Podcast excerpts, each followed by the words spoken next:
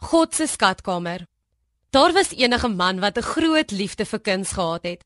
Hy het 'n versameling van Picasso's en Rembrandts en ander bekende kunstenaars gehad. Van kleins af het die man sy stokperdjie met sy seun gedeel en hom gretiglik geleer van goeie kuns. Toe daar oorlog gekom het, moes die seun as soldaat aanmeld om sy land te verdedig. En 'n paar maande later kry die pa 'n brief wat sê: Dit is met groot hartseer om u in kennis te stel dat die seun oorlede is tydens 'n geveg in die oorlog. Die pa wou mekaar sak, maar toe hy die brief verder lees, het hy uitgevind in watter omstandighede sy seun gesterf het. Die brief vertel hoe die seun dit veilig teruggemaak het, maar toe hy 'n paar gewonde soldate op die slagveld raak gesien het, het hy teruggegaan om hulle te help. Hy het hulle een vir een na die skuilings teruggedra, en toe hy die laaste gewonde soldaat teruggedra het, het 'n koel hom getref waar hy op slag dood was.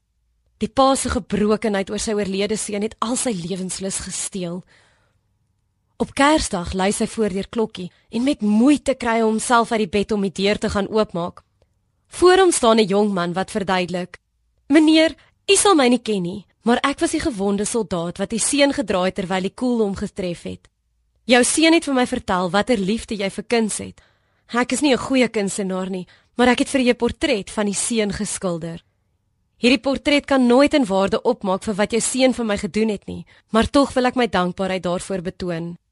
Die pa gaan haal toe sy gunsteling Rembrandt skildery af en sit hierdie portret van sy seun in die plek daarvan op. Die pa kyk trots na hierdie skildery en sê vir die jong man: "Hierdie is my waardevolste besitting." 'n Paar jaar later is die man oorlede en die nuus het vinnig versprei oor die veiling vir sy portrette wat sal plaasvind.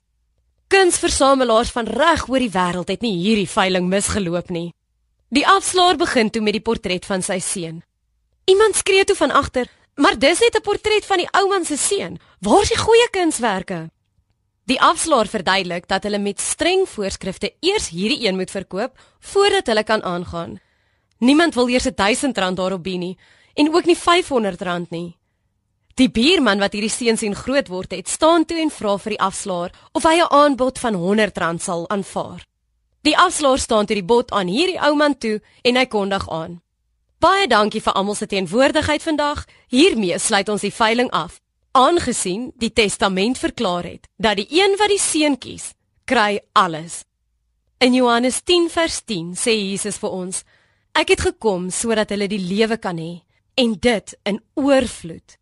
Mag jy vandag met hierdie verhaal in jou gedagtes besef hoe groot God se skatkamer vir jou is. En mag jy die seën kies, want saam met die seën kry jy alles en dit in oorvloed.